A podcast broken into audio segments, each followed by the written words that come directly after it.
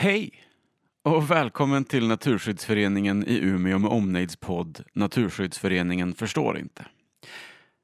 Det här avsnittet är en del i en valspecial där vi intervjuar partiföreträdare för partierna i Umeås kommunfullmäktige och pratar lite mer ingående kring de saker vi verkligen inte förstår med den lokala klimat och miljöpolitiken. Frågorna utgår mycket från de granskningar vi har gjort tillsammans med den samlade klimat och miljörörelsen i Umeå. Där vi tittat på partiernas politik den gångna och kommande mandatperioden.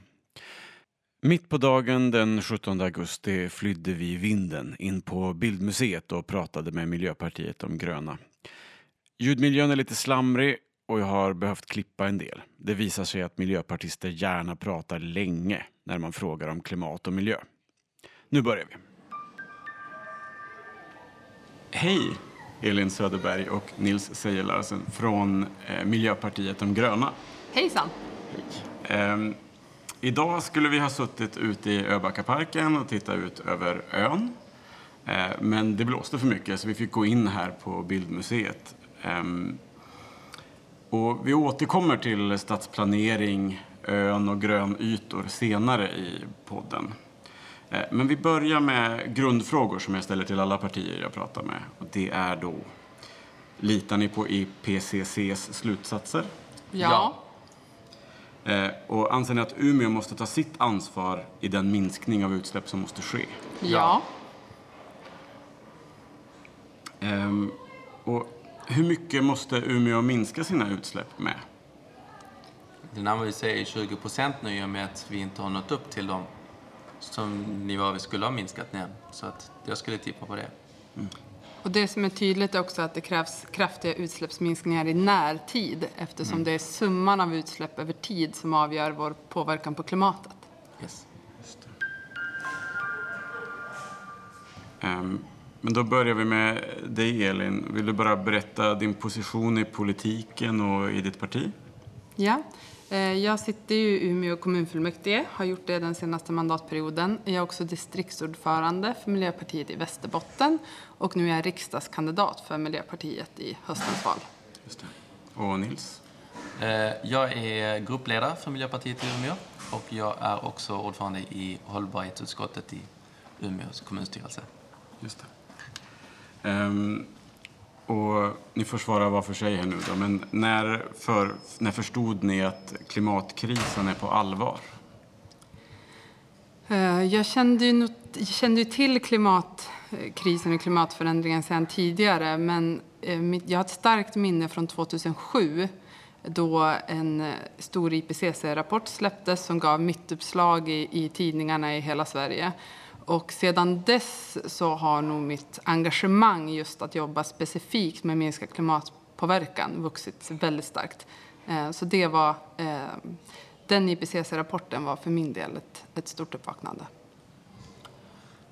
Första gången som jag eh, eh engagerade mig för klimatet, det var när jag var 12 år gammal, gick i mellanstadiet och fick höra att om vi inte gör något åt klimatförändringarna så kommer isen att börja smälta.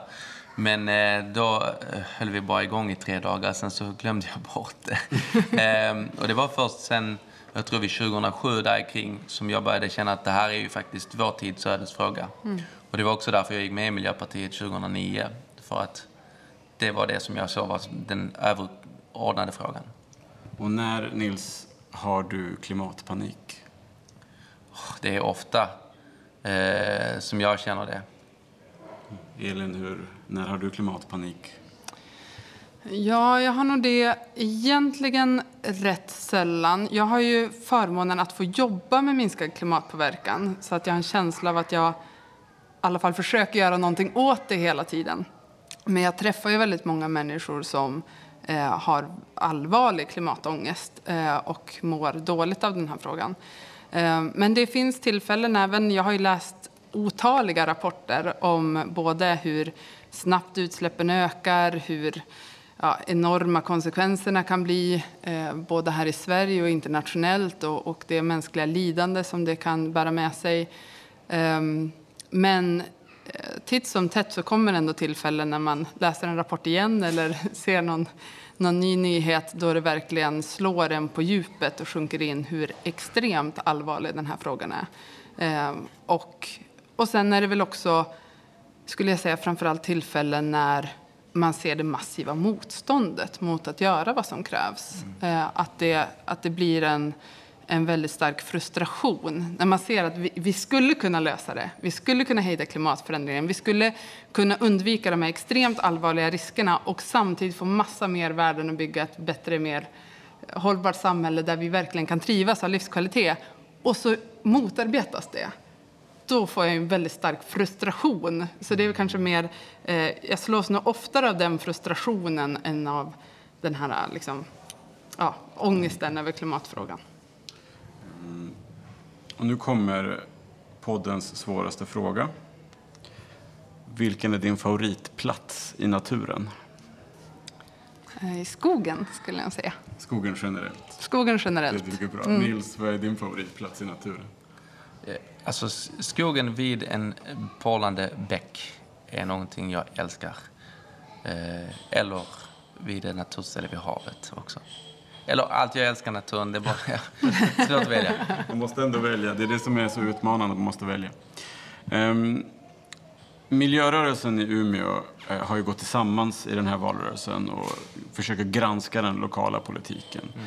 Vi har gjort en uh, granskning av den politik som har skett under mandatperioden och vi har skickat ut en enkät till alla partier som faktiskt alla partier har svarat på, som vi sedan har utvärderat. Um, i den enkäten så svarade ni ja på alla de frågor vi hade ställt och i vår sammanfattning så säger vi att ja, men det här är ett parti som verkligen anstränger sig och vill eh, åt eh, ett hållbart håll.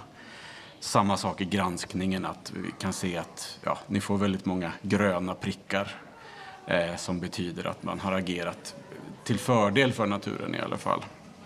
Ehm, och i, vissa, I de andra intervjuerna så brukar jag liksom läsa upp några citat därifrån, men det blir eh, för upprepande här. Men eh, jag tänkte istället säga så här att eh, trots det, trots alla gröna prickar och trots alla ja-svar så är vi oroliga.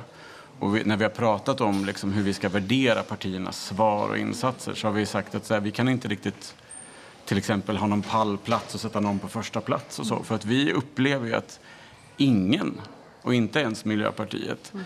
har en plan för hur man ska minska med 20 procent per år från nästa år.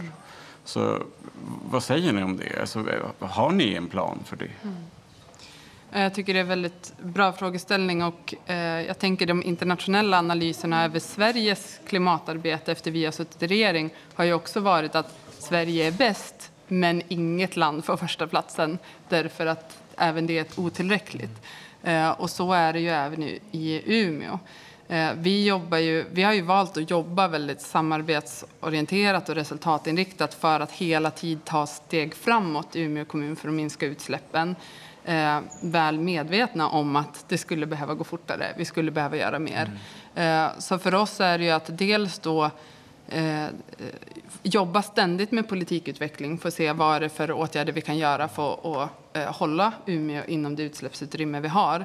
Men också se till vad det är för politiska åtgärder vi kan bygga majoriteter bakom nu för att faktiskt ta steg framåt. Ehm, så att där, där är en ständig utveckling av politik och också att hitta vilka åtgärder kan vi få gehör för. Eh, därför att det skulle också tar vi fram ett eh, förslag som liksom på pappret teoretiskt skulle minska utsläppen väldigt mycket men som, eh, som vi inte kan få en majoritet bakom, då kommer i praktiken inte till leda steg framåt. Så det är ett, ett ständigt arbete inom partiet. Det, det jag hör i det svaret då är ju liksom just jag hör, ni påpekar att det finns problem och ni försöker så mycket ni kan. Men det, vår uppfattning stämmer att ni har inte heller en plan för en minskning med 20 procent per år. Ni vet jag, inte hur man ska göra. Jag kan svara så här att liksom det som jag är glad för det, om man börjar, det är att det var ju precis den planen som Miljöpartiet tog fram på nationell nivå. Och vi skulle behöva ha en sån plan här också. Men en som, sån sak som har varit utmanande för oss har ju varit just att det har varit en sån otrolig brist på data i kommunen. Eh, och det, liksom, det har saknats precis alla analysdelar. Så vi har en ganska bra bild över vad det är vi vill kapa. Men Eh, det stämmer helt och hållet att vi har inte en exakt liksom, plan över här. Så får vi 20 procent. Och det har ju ingen än så länge. Alltså det, det har ju, alltså det, partier i andra kommuner och miljöpartier i andra kommuner har tagit fram en klimatfärdplan. Eh, men jag har inte kunnat hitta någon sån hos er. Nej. Det vi, det vi har gjort är ju att arbeta in klimatpolitiska eh, förslag och de vi ser som mest prioriterade i vårt valmanifest lokalt. Eh, och sen tänker jag också att eh, det, vi, det vi jobbar med i kommunen, i kommunpolitiken, det är också att se vilket mandat har vi att jobba politiskt i kommunen. Och vi påverkas ju i vår tur av regionpolitiken, av nationella politiken, av EU-politiken och de internationella förhandlingarna. Eh, Så det vi jobbar med här är ju att se vilka, eh, vilka åtgärder är viktigast att vi driver i kommunen. Men vi vet att, att bara jobba i kommunen kommer inte göra att vi... eh, Alltså, Umeå kan inte själv bara lösa klimatkrisen, utan vi är också beroende av att vi är gröna i regeringen och se till att alla kommuner i Sverige får bättre förutsättningar. Och vi är också beroende av ett starkt arbete i EU för att se till att flera eh, åtgärder kommer på plats. När jag pratar med andra partier i den här podden så återkommer många till just den poängen att Umeå har, säger man, rätt så litet utrymme för att påverka. Ja, fast det tycker jag inte stämmer. Eh, alltså kommuner generellt och Umeå kommun har ett väldigt stort mandat att påverka eh, våra utsläpp.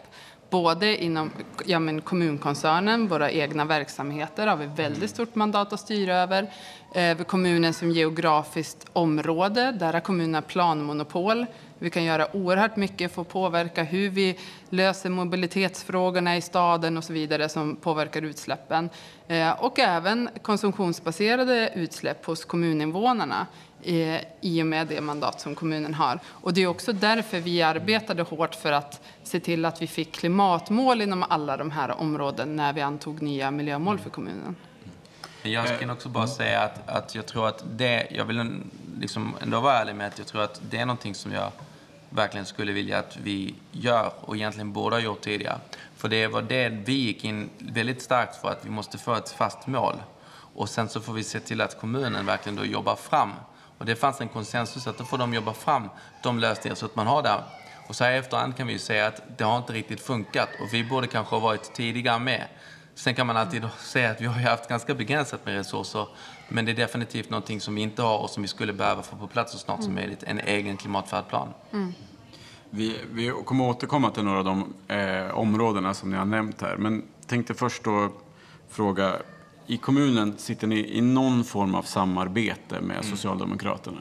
Eh, Nils, kan du beskriva hur, hur funkar det? Är det ett majoritetssamarbete eller är det ett budgetsamarbete? Hur funkar det här?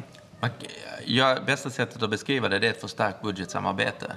Det vill säga att i praktiken så är Socialdemokraterna i, i arbetet en minoritetsregering där vi har vissa, eh, vissa vi har någon eh, överförmyndarnämnden och hållbarhetsutskottet. Men vi är inte i en gemensam regering och har därmed ett starkt budgetsamarbete på central nivå. Ja, central nivå i kommunen. Exakt. Ja, det. Mm. Eh, Men det innebär ju... och det är ett minoritetssamarbete. Ja, precis. precis. Ni, ni samarbetar med Socialdemokraterna om budgeten och fler saker ni kom överens om. Eh, och tillsammans utgör ni en minoritet som ändå eh, Yes. kan bilda majoriteter i fullmäktige. Ehm, men det innebär ju ändå att Miljöpartiet i Umeå, som hamnar högt i våra rankingar och ändå eh, liksom, vi ändå känner att så här, det är rätt väg, har en rätt så stark maktposition i Umeå. Eh, men ändå så är vi i ett läge nu när, ja, den senaste statistiken vi hade så hade utsläppen minskat med 3 procent. Jag tror det var 2019. Så va- varför har vi inte, liksom inte redan minskat med 16 procent per år? Eh, Jag kan svara lite på den. Eh, Alltså det, det, vi har, eh, dels har vi oss själv, liksom, att vi, vi kan ju vara självkritiska till vårt arbete. Och där tror jag just det faktum att vi var en ny grupp som fick kliva in i politiken gjorde ju att vi tappade något år på att vi fick bygga ett förtroende för vem vi är. Vi fick liksom lära organisationen ordentligt och hitta våra sätt att få praktisk verkstad. Men sen är det också så att Umeå har det här syndromet som jag brukar säga, i de blindas rike är den enögde kung. Och jag tror att Umeå har liksom haft ganska lätt för sig som stadskommun, som, som storstad i Norrland, att känna liksom att vi är så ledande i klimatet. Att man liksom har slagit sig till ro. Eh, och, och, det gör ju att när vi försöker förklara att ja, men, nej, Umeå är inte bäst, vi, vi är helt okej okay på sin höjd. Vi behöver skala upp mycket mer. Så är det svårt att få gehör. Och så har vi det sista problemet och det är att klimatet har inte varit någons ansvar. Varje nämnd har sagt ja men det är viktigt men det är inte vårt bord. Vi ska sköta skola eller vi ska sköta äldreomsorg. Det har inte funnits det fasta mandatet och det har inte funnits någon som helst struktur. Det var vårt stora problem när vi gick in. Att vi fick ju börja bygga de här strukturer som skulle funnits på plats för länge sedan. Mm. Så, för det du säger här är då egentligen så att de som har haft makten, och det är ju Socialdemokraterna som har haft makten, inte har historiskt haft ett intresse för en sammanhållen miljö och klimatpolitik och inte tagit fram någon struktur för det. Är det liksom det du säger? Det har inte varit det prioriterade. Och då har man varit väldigt nöjd och glad över framgångsrika miljöprojekt som har gjorts. Men, men det har inte varit... Det, det är någonting man pratar om, men det är inte det som varit prioriterat. När mm. budgeten kommer, ja, då tar vi kärnverksamheten måste prioriteras, välfärden och så vidare. Och så kommer alltid miljön när det väl gäller i andra hand. Och sen har vi också mött mycket, liksom, ibland okunskap, fördomar som funnits. Eh, fått tyvärr slösa mycket tid på onödiga bråk i organisationen. Men vi har också hittat många i organisationen som verkligen också brinner för att jobba för klimat. Så det har varit liksom en trög process. Mm. Eh. Vi kan ju se vi kan ju se exempel på det du och ni nämner här då, eh, i, i två fall. Och den ena är att tidningen Miljöaktuellt gör en ranking av eh, kommunerna. Och under en lång tid har Umeå legat liksom ändå hyfsat långt upp där. Och i den här rankingen som kom i år så hamnar man på 87 plats. Och när jag frågar kommunen varför så är det att man har varit citat lite hårdare mot sig själv. Vilket ju innebär att man aldrig har varit på den position man har kommit fram till att man är på, för den bygger på självrapportering. Det är det ena exemplet.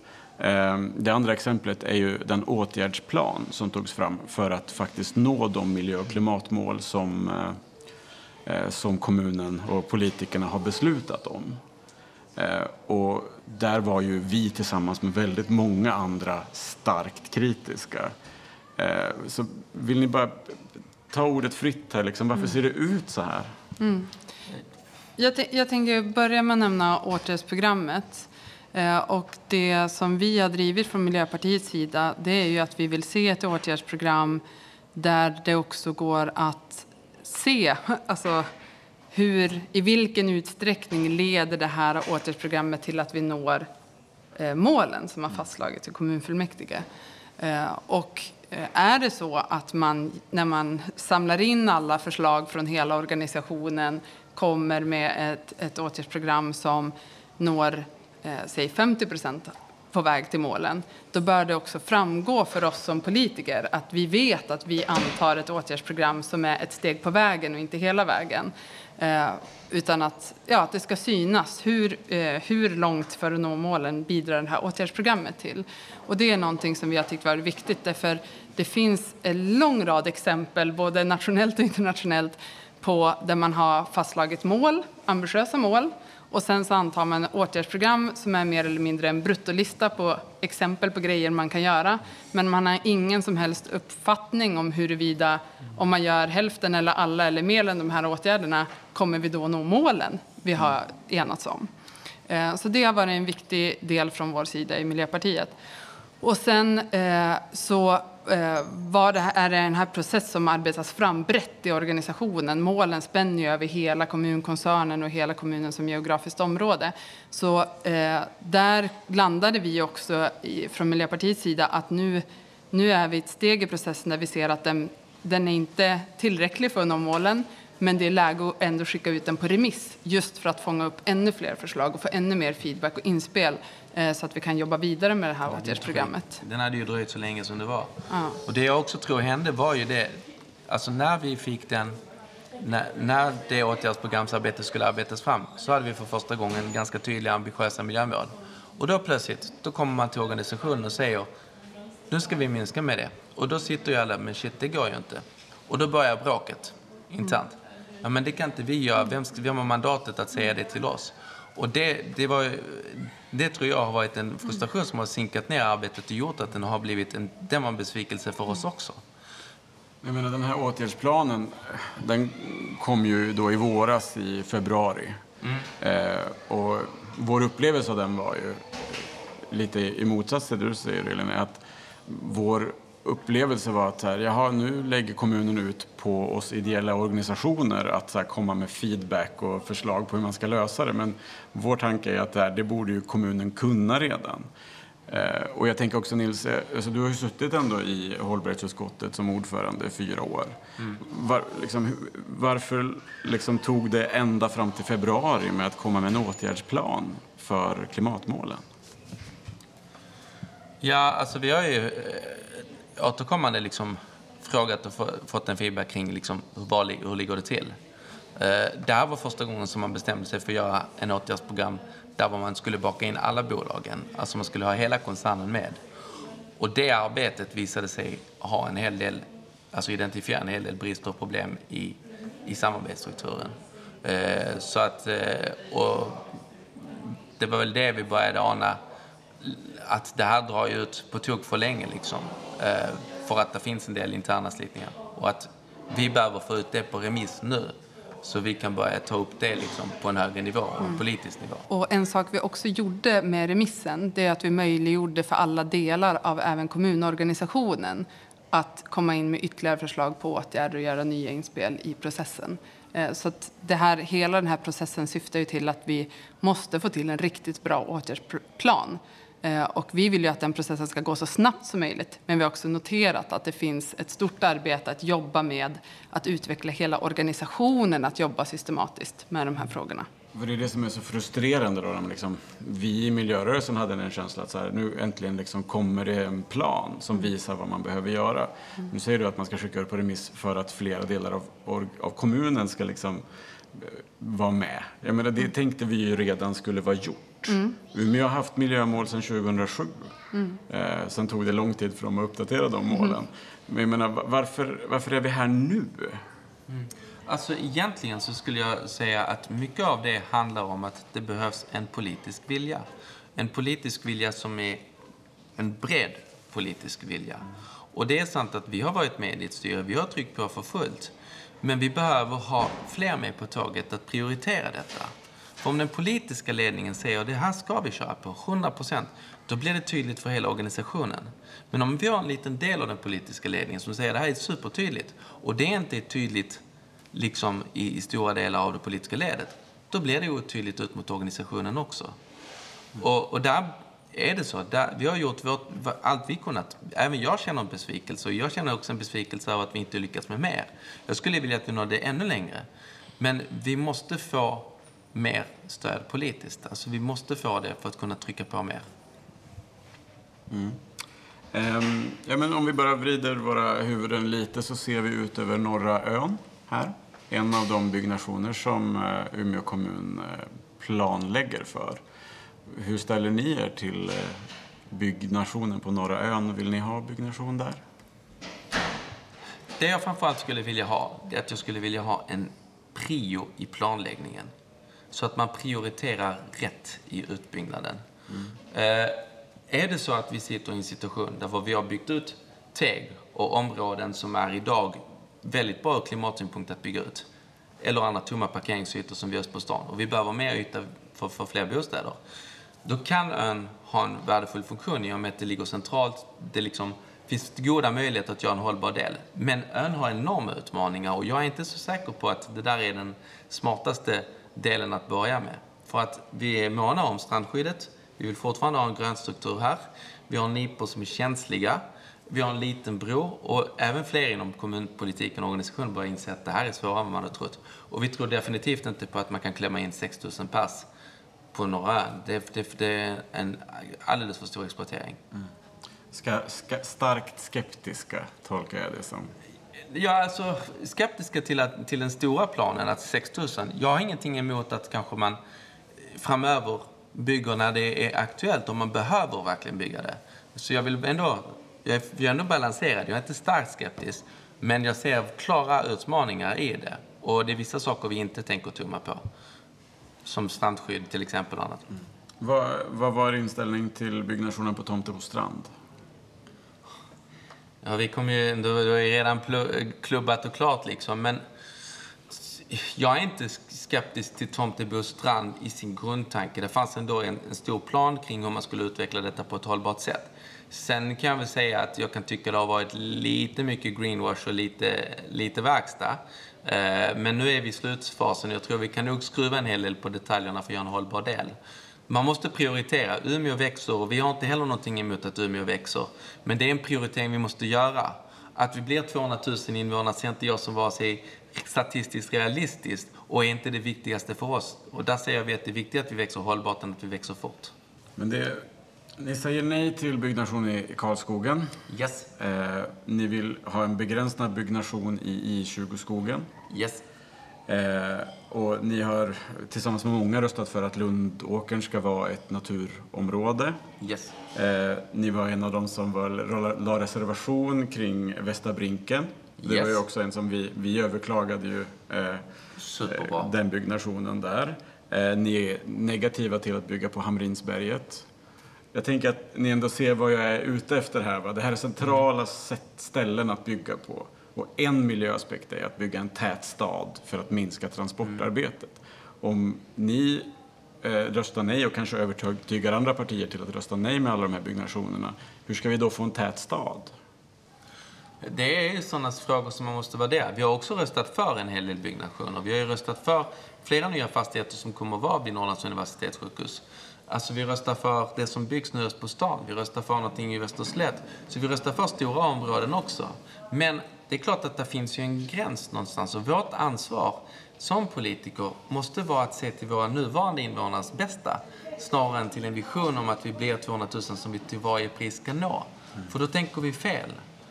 Och där måste vi ha en hållbarhetsaspekt, även om vi ibland blir nej i partiet. Mm. Vi har också röstat emot att bygga ut än fler externa handelsområden, för annars bygger vi in oss i ett bilberoende som inte kan ta oss ur. Mm. Jag tänker att det finns en hel del planer som också, där vi har byggt på höjden. Alltså, mm. I Umeå har vi jobbat mycket med att bygga i trä eh, på höjden ovanpå befintliga byggnader. Eh, det är ju någonting som vi ser positivt och också bidrar till förtätning. Eh, och bostadsförsörjningen är viktig. Eh, och det är ju någonting där vi ser att vi vill, vill ja, det, som du säger, positivt att bygga tätt. Men det vi också vill slå vakt om det är ju just att det är livskvalitet där vi lever och bor och verkar. Och då är ju tillgången till stadsnära natur eh, viktig både för den sociala hållbarheten och liksom den ekologiska, att det ska finnas en grön infrastruktur för arter att förflytta sig och så vidare. Eh, så att det, det där, det är svårt att säga liksom eh, allt eller inget i den här frågan, utan det handlar ju om att liksom väga flera intressen. Alltså planarbetet är ju otroligt många intressen som ska vägas mot varandra. Eh, och det, det man kan säga tydligt är ju att vi i Miljöpartiet jobbar för att eh, se till att det blir ekologiskt och socialt hållbart, att vi bevarar grönområden och eh, eh, jordbruksmark har vi också stått upp för i, vid flera tillfällen när det har varit stort tryck på exploatering. Eh, därför att vi ser att det är väldigt viktigt för den lång, långsiktiga livsmedelsförsörjningen och hållbarheten.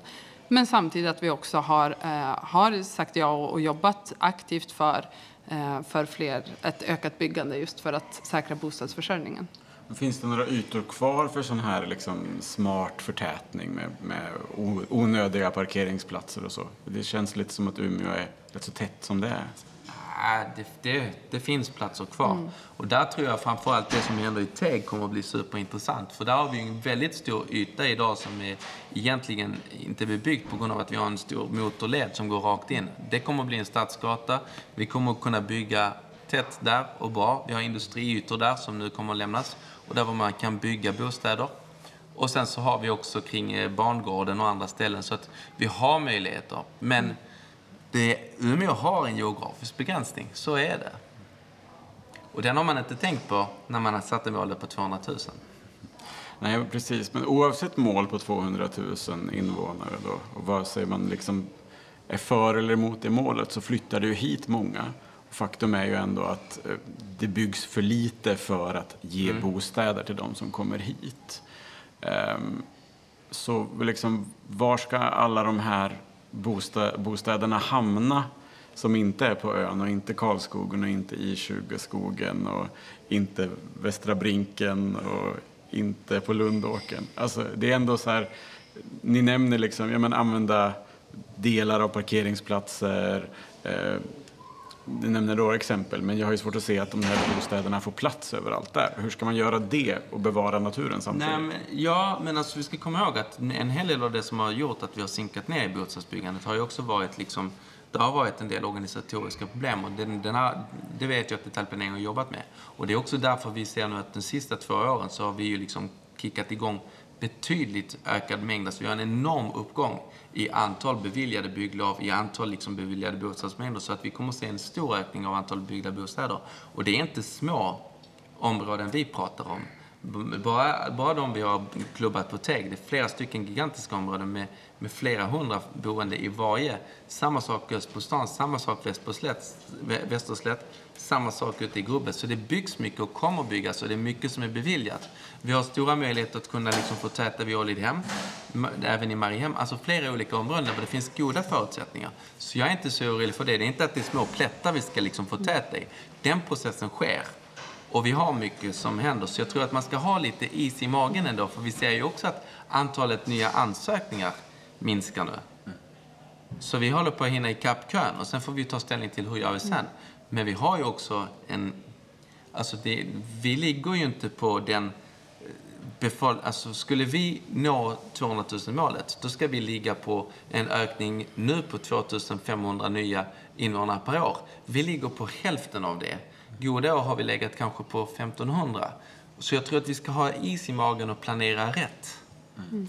Ja, och där är ju TEG, som du nämnde, ett bra exempel på det ur, ur vårt perspektiv, ur Naturskyddsföreningens perspektiv. Att man tar liksom, minskar utrymmet för en stor väg och bygger bostad, bostäder och stad. Mm. Så det kan vi absolut hålla med om.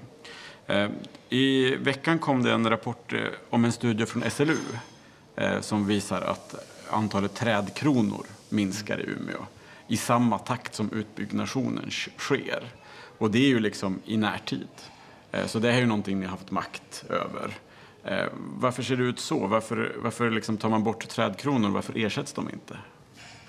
Jättebra att det där följs upp. Eh, och, och, träden är ju så viktiga just i städer av väldigt många olika skäl. Alltså det bidrar till luftmiljön och till klimatet, till klimatanpassning eh, som ja, fångar upp om det via kraftigare skyfall, vilket vi kommer ha framöver. Bidrar med skugga när vi ökade värmeböljor. Eh, så att just planera för eh, träd i stadsmiljöerna och bevarande av grönskan är jätte, jätteviktigt. Så det är väldigt bra att få, få de där studierna. Jag har, har inte hört om dem tidigare. Jag har hört om de är, iTree, iTree är ju jättebra eh, exempel på där man har just tittat på trämängden i en stad. Eh, det vi skulle behöva få till i Umeå det är precis som man har i Malmö och andra ställen en, en, en sorts gränsvärde för hur mycket fullvuxna träd, hur stor andel fullvuxna träd vill vi ha av stadsytan. För det har vi inte nu i Umeå. Eh, och, och, för att idag så är det bara någon intressant notis, men det är ingenting vi har i beaktande i planeringsprocessen. Och det har vi lyft i byggnadsnämnden från Miljöpartiet. Mm. Att vi vill att det tas med i beaktande. För du har en klimatkonsekvens när du väljer att hugga ner fullvuxen skog för exploatering. Mm. Eh, och att det får vara en del i den här prioriteringen som jag efterfrågat länge. Mm. Att man prioriterar rätt. Men ni har ju haft makt nu i bortåt fyra år att se till att det finns en sån plan. Så det är ju ändå någonting som ett parti i er storlek skulle kunna se till att det finns. Så. Nej, ja, fast det är det här som är viktigt igen. Alltså, jag vet att det är svårt. Vi har haft ett förstärkt budgetsamarbete där vi har kunnat trycka på i vissa delar i central nivå. Men när vi är ute i nämndsnivå så är det också så att vi behöver ha fler partier på tåget. Och där har vi varit ganska ensamma om att trycka på för detta. Där har vi liksom, just när det gäller det här med till exempel prioriteringsordningen, när det gäller det här med att liksom bära in i beaktande liksom träd, alltså att man har det som klimataspekt. Då har vi lyft det, men där har vi inte fått gehör av något annat parti. Mm. Um, vi pratade lite om det här med 200 000 invånare. Uh, jag har frågat alla det här för jag tycker det är en intressant fråga. Um, är det dåligt för miljön att folk flyttar till Umeå? Nej, om man tänker, om man växer rätt så är det inte dåligt. Det finns många goda intentioner i hela översiktsplanen och strategin. Om vi har en tät stad och vi kan liksom ha, alltså utvecklas kring 5 km stad så finns det många fördelar med att kunna bo i Umeå och leva hållbart. Så att tanken är god liksom. Men jag, alltså, jag är lite kluven till om 200 000 kommer att leda till att vi liksom kommer kunna växa hållbart i alla aspekter. Det beror ju helt på utvecklingen. Jag menar, varje, varje människas klimatpåverkan sker ju någonstans oavsett var den bor. Eh, så att det är självklart att har du en, en stad, alltså om du räknar bara till den egna stadens utsläpp eh, så blir de högre om man skulle dubblera befolkningen till exempel. I ett läge när vi fortsatt är beroende av fossil energi till exempel för våra transporter och för industrierna. Eh, men de de personerna, om de inte bodde i den här stan, skulle ju bo någon annanstans. Så för klimatet som helhet så, så måste man ju då titta på gör det väldigt stora skillnader vart de bor någonstans utifrån om man har olika typer av uppvärmning, transporter och så vidare. Eh, det viktiga för oss är ju då när vi jobbar med kommunpolitiken, det är ju att eh, så snabbt som möjligt skapa förutsättningar för att kunna eh, leva verkligen goda liv helt eh, oberoende av fossil energi. Se till att vi jobbar med mobilitetsinfrastrukturen, se till att det finns goda förutsättningar att gå och cykla, att vi har lokala servicemöjligheter i bostadsområdena så man inte behöver ta bilen bara för att göra vardagsärenden till exempel. Det är ju otroligt mycket vi kan göra för att se till att bor man i Umeå så har man lägre klimatpåverkan tack vare att Umeå styrs och planeras väl ur klimatsynpunkt. Eh, och det är det vi kommer jobba för. Eh, ja, men ni har ju nämnt externa köpcentra och att det liksom driver på transporterna. Och ni är också för ett konsumtionsmål, alltså ett mål för att minska utsläppen från konsumtion som Umeås medborgare står för. Eh, och ja, konsumtion är ju en av de stora utsläppskällorna i Umeå. Eh, vad, men när jag pratar med andra partier så säger de att så här, det kan vi inte göra för det kommer minska våra skatteintäkter, det kommer påverka eh, den sociala omsorgen, det kommer påverka hela Umeå kommun och dess framtid. Vad, kommer ni att liksom rasera hela välfärden? Nej, men då tror jag att man har ett diametralt fel tänk. För att då sitter man fast i business as usual. Och är det en sak vi vet så är det att business as usual är inte hållbart. Och det funkar inte. Förr eller senare måste vi ge upp den. Men om vi väl inser att vi måste ge upp den, vi måste tänka mer cirkulärt, då kanske andra företagsmöjligheter öppnas upp. När man börjar tänka på liksom mera liksom återbruk, delningstjänster, repair, Alltså, då kommer man igång med kanske ett annat typ av entreprenörskap som kan generera intäkter på ett mer hållbart sätt. Men vi måste ju dit. Vi kan ju inte vara rädda för en åtgärd bara för att ja, men, det funkar inte i vår modell idag. Nej, men klimatet är ett nödläge. Vi måste agera, vi måste ställa om hela vårt system. Och då får vi istället acceptera det och se hur kan vi göra det bästa utav det. Vi måste våga vara tydliga med var vi står. Eh, vi måste vara tydliga med läget. Annars blir det greenwashing. Man kan inte gå ut i ett val och säga att vi kommer kunna lösa klimatkrisen och ni kan fortsätta leva life as usual, business as usual. Utan man måste förstå att vi måste ställa om. Men vi får också vara beredda på, ja, det kan kanske vara så pass, för vi är så sent ute, att det kommer få ekonomiska konsekvenser. Då får det bli det. Det kanske blir en ekonomisk påfrestning. Men då måste vi göra det, för att klimatet och miljön är liksom överordnat. Mm. Och vi är i det läget vi är för att andra tidigare inte tagit det ansvar de borde ha gjort. Ja, vi, vi har pratat om det här med externa köpcentra med, med flera av politikerna jag har intervjuat. Och ett argument som kommer upp ofta och som krockar med det jag har lärt mig, det är att man säger att Umeå är en flerkärnig stad som gör att folk behöver resa kortare till sina olika handelscentrum. Vet ni att de externa köpcentra i Umeå genererar mer trafik? Eh, ja, absolut, men det vet ju kommunen själv. Det var ju när de öppnade IKEA så sa de, det står i alla trafikutredningar, hur många fler bilresor det blev per dygn. Det var ju lika mycket som typ hela liksom, åtgärdsprogrammet för eh, det gamla programmet för eh, hållbara färdsätt i Umeå lyckades minska ner. Så att man har ju data på det och det är alldeles uppenbart. Det är klart att vi har fler stadskärnor, men då får man ju också satsa på stadsdelscentrarna. Och det är inte alltid de externa handelsområdena. Och istället så gör man tvärtom. Man utvecklar de externa handelsområdena och man utvecklar infrastrukturen dit för att man vill ha hållbara trafikflöden. Och det handlar inte om miljömässig hållbarhet utan det handlar om att folk inte ska stå i kö. Och då tänker man fel. Och så ska man komma ihåg också att det vi vill ha det är ett levande Umeå. Också en levande central del. Sitter vi och utarmar Umeå, för de första som ryker det är just de här stadskärnorna. De har inte en chans att konkurrera mot de externa handelsområdena. Det andra som ryker, det är handeln i stan. Och då plötsligt, då dör livet bort. Vi trodde kanske att den här eran av, eh, av att man bygger ut externa köpcentra var liksom över, att man hade passerat det. Men ett exempel på att det inte är så är ju Sandbäckens handelscentrum som Eh, byggts liksom som en liten del i, i 20-området och som en utökning av hela Ersboda handelsområdet. Eh, och vi var väldigt kritiska där. Vi skrev debattartikel för att jag försökte stoppa det. Men varför gick det inte att stoppa det handelsområdet? Ja, det är ju enkelt. Det fanns ett parti som röstade emot och det var vi. Det, det behövs mer av den politiska viljan att förstå att klimatarbete och hållbarhetsarbete måste göras i praktiken i alla beslut. Inte bara i några mål och sen så kör man på ett helt annat sätt. Man måste förstå allting ihop. Mm.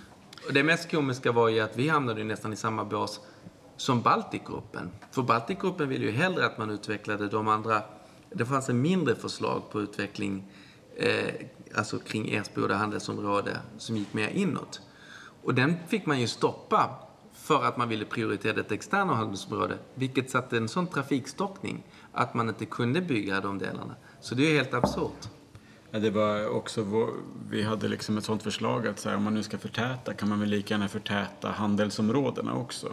Så behöver man inte ta den här skolskogen till det.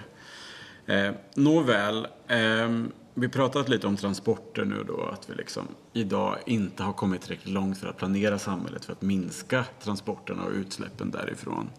Eh, ett transportslag som är en jätteutmaning för Umeå, det är flyget. Enligt eh, kommunens egna siffror så står det för ungefär 27 procent av de territoriella utsläppen.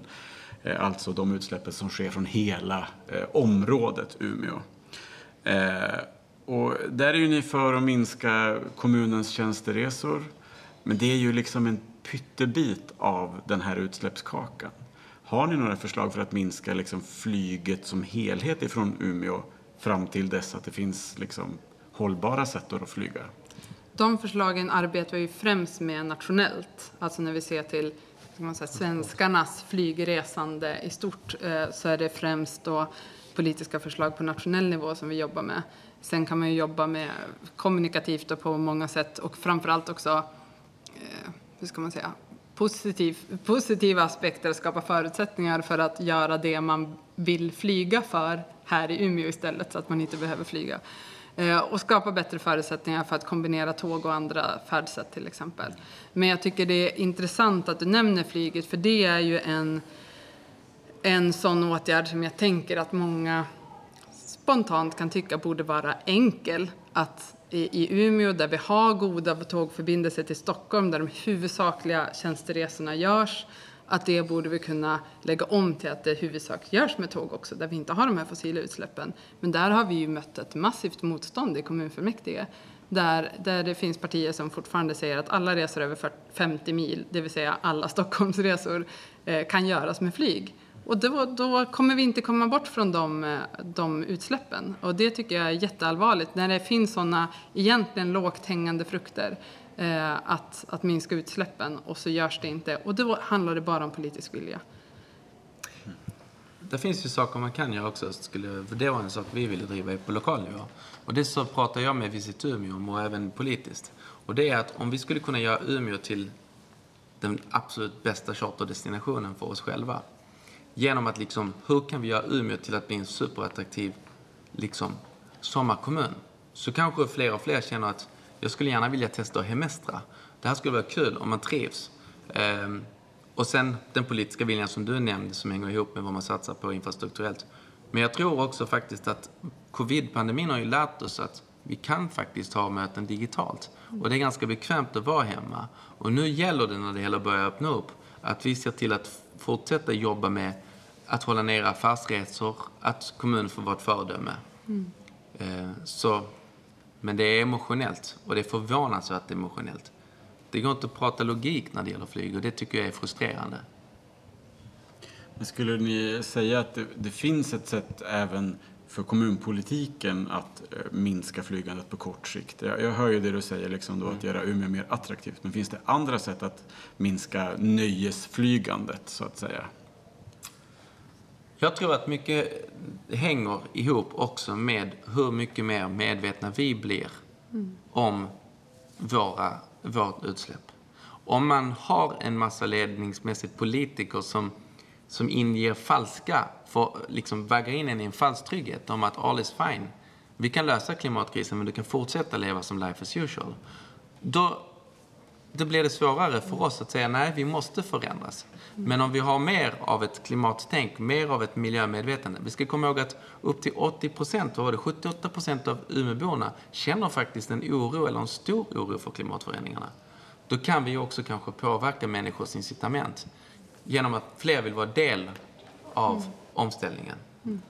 Jag tror att de flesta jag träffar som har själva gjort liksom aktiva val att helt sluta flyga eller kraftigt minska sitt flygande. Det har de gjort efter att de har gjort eh, analyser över ens egna konsumtionsbaserade utsläpp. Det finns ju flera mm. verktyg på nätet för att göra det. Och då slå, gör man en sån, då slås man, om man är en person som flyger i tjänsten till exempel, Eh, då slås man över hur stor andel över ens egen klimatpåverkan som kommer av de där flygresorna. Eh, och då är det många som tycker att det är ganska lätt att välja bort dem. Men det är ju först när, när det synliggörs för en själv ofta som, eh, som det händer. Och jag tänker just det här när man ehm, när man jag vill komma tillbaka till det här just att det är utsläppen över tid som påverkar klimatpåverkan också. Därför ibland så, eh, så kan man ju höra argument att ja, men man ska kunna fortsätta flyga, vi jobbar på andra alternativ, elflyg eller ja, andra lösningar.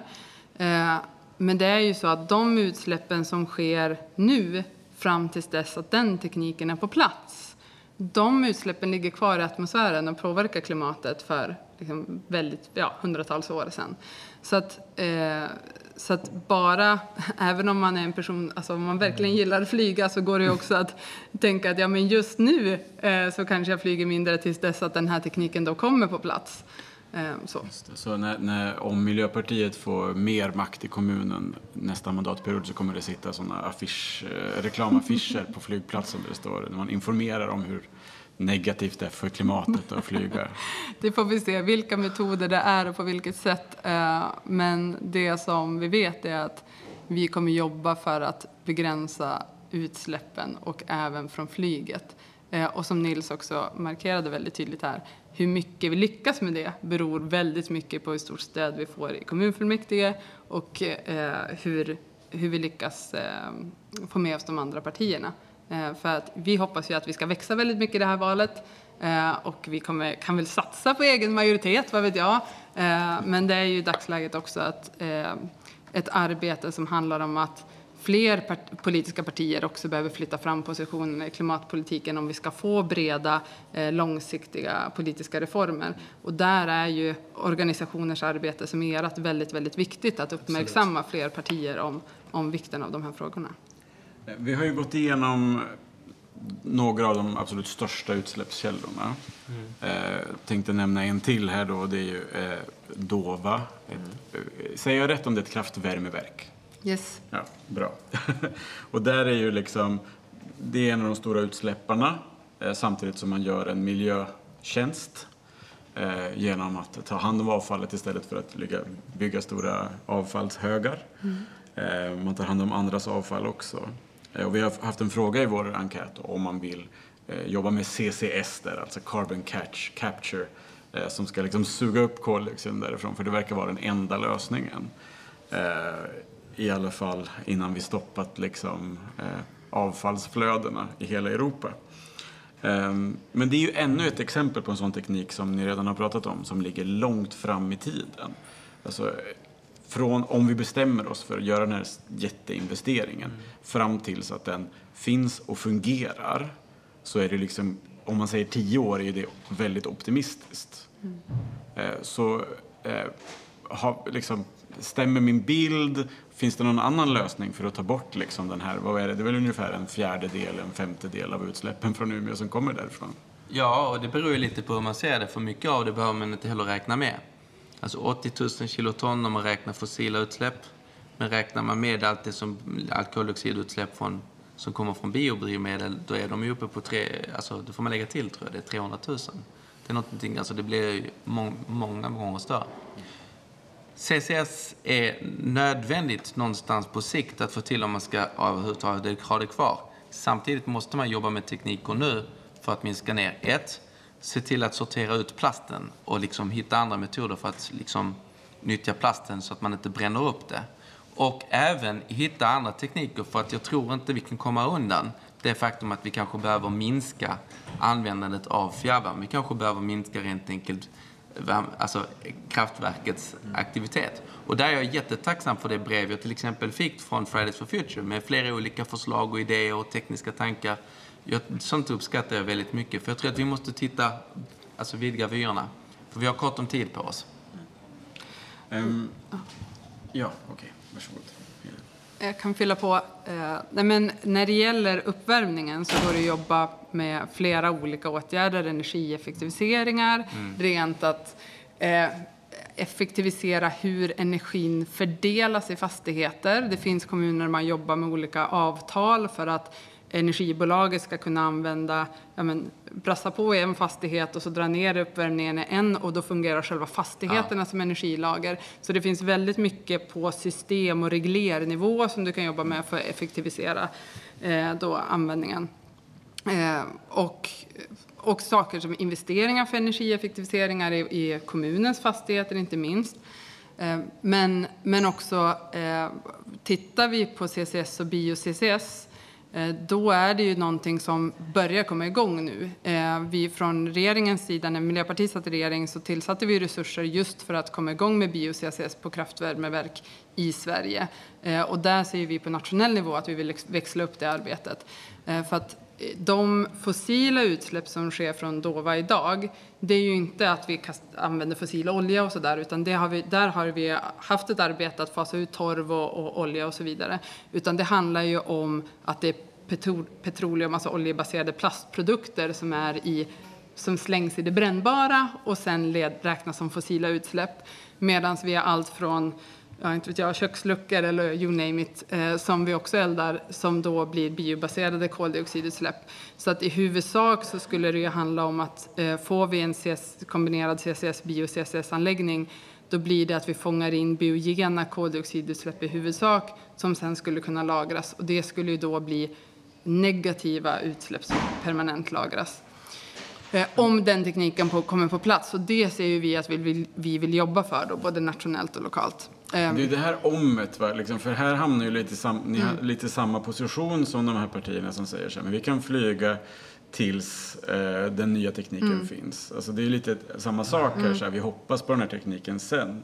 Men ni själv, säger själva att utsläppen måste ske liksom de närmsta åren. Mm. Eller minskningen av utsläppen. Ja, nej men jag, jag återkommer till att det, vi ser självklart, alltså när man ser hur fjärrvärme, hur stor påverkan det har, så är det oundvikligt att det måste minska, alltså eh, utsläppen. Och det innebär ju någonstans att vi behöver ha en större energieffektivisering i våra fastigheter, ha ett mindre behov av det och minska aktiviteten. Det, så länge vi inte har någon bio-CCS på plats så har vi inte så mycket val. Så jag är inte bara liksom och sitter och väntar på the big om, utan vi har en verklighet att förhålla oss till och det är det vi kommer att jobba för. Och, och i närtid så handlar ju det om eh, minska konsumtion, ökad utsortering och, och källsortering av plast eh, och ökad energieffektivisering, att inte värma saker i onödan för att man får en medvetenhet ja. om att det här är, leder till utsläpp. Jag har ju här gått igenom liksom de stora utsläppskällorna från Umeå kommun, baserat på Umeås egna siffror. Eh, transporter, konsumtion, DOVA, eh, alltså kraftvärmeverk. Och vi har pratat igenom och liksom rätt så ofta kommit fram till varför det inte går att göra någonting åt. Eller ni säger ju exempel på vad som man kan göra, mm. men också varför det är svårt att genomföra den förändringen. Ehm, den här podden heter ju Naturskyddsföreningen förstår inte. Ehm, och vi har liksom väldigt för, svårt att förstå hur vi kan vara i det här läget nu. Mm. Ehm, när man liksom vet om det här. Man, det sitter liksom en expertpanel på FN-nivå och berättar att det måste ske en förändring nu. Um, och det är en oro då som vi delar tillsammans med den övriga miljörörelsen som vi mm. samarbetar med. Så vi skrev en debattartikel förra veckan där vi yes. krävde av partierna att man skulle redovisa hur man ska nå den här 20-procentiga minskningen varje år från 2023 eftersom mm. vi inte har börjat i tid. Är det någonting ni kan presentera för oss? Mm. Så faktiskt, jag skulle börja med det. Vi ska skriva ihop ett svar nämligen till den och mm. försöka presentera för vår del. Men det handlar om att vara väldigt metodisk i sitt arbetssätt. Ett, transporter, om man tittar på de territoriella utsläppen, står för upp en, alltså en bit över 40 procent. Det är viktigt att jobba mot att snabbt komma i fas med våra hållbara mål, mål om hållbart resande.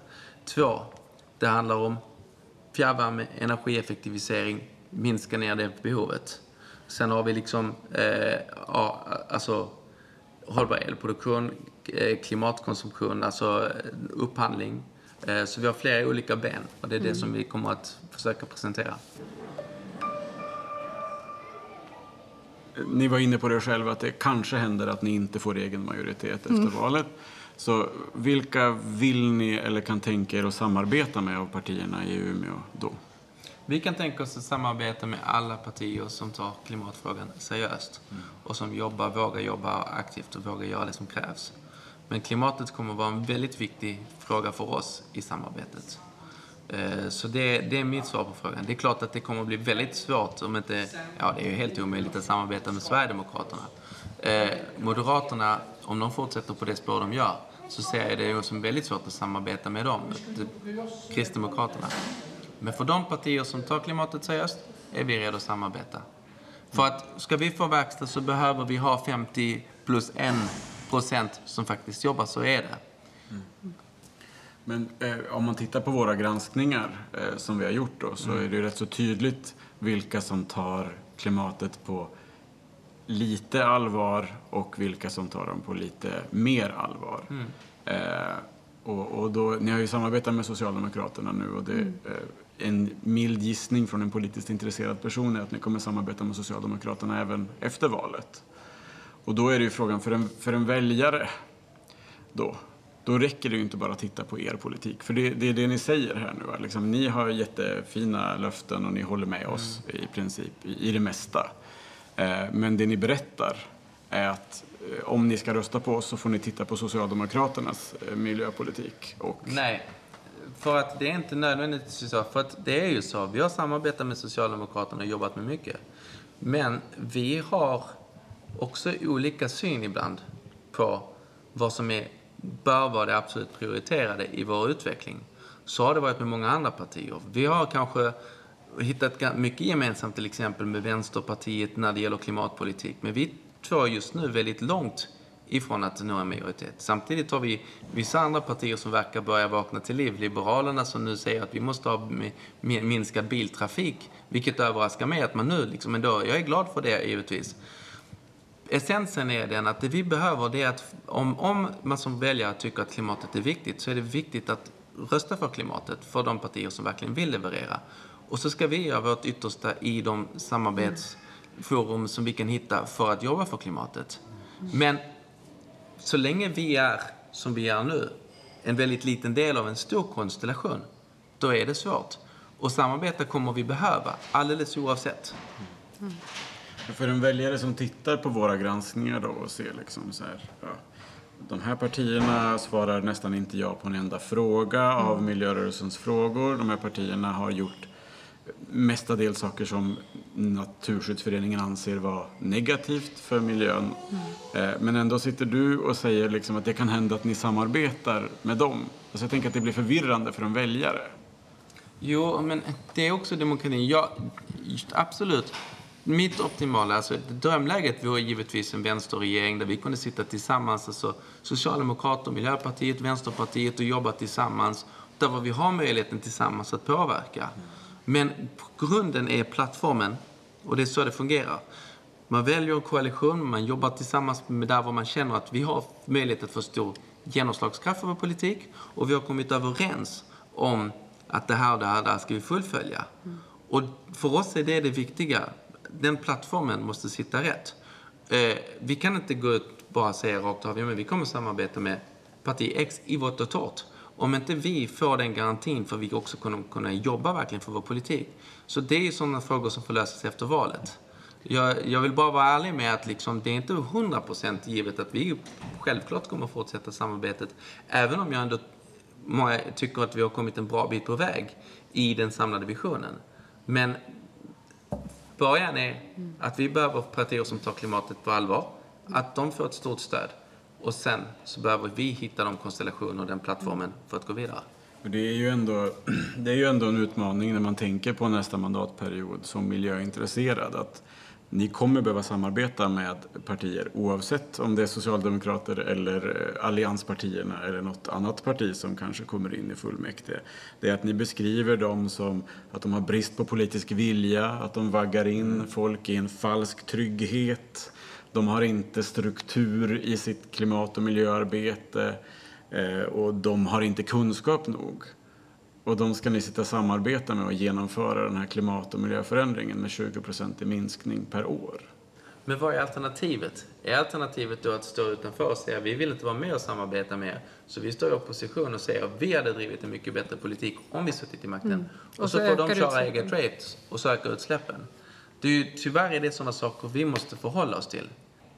Ja, men tack för de svaren. Jag har inga fler frågor på mitt papper här.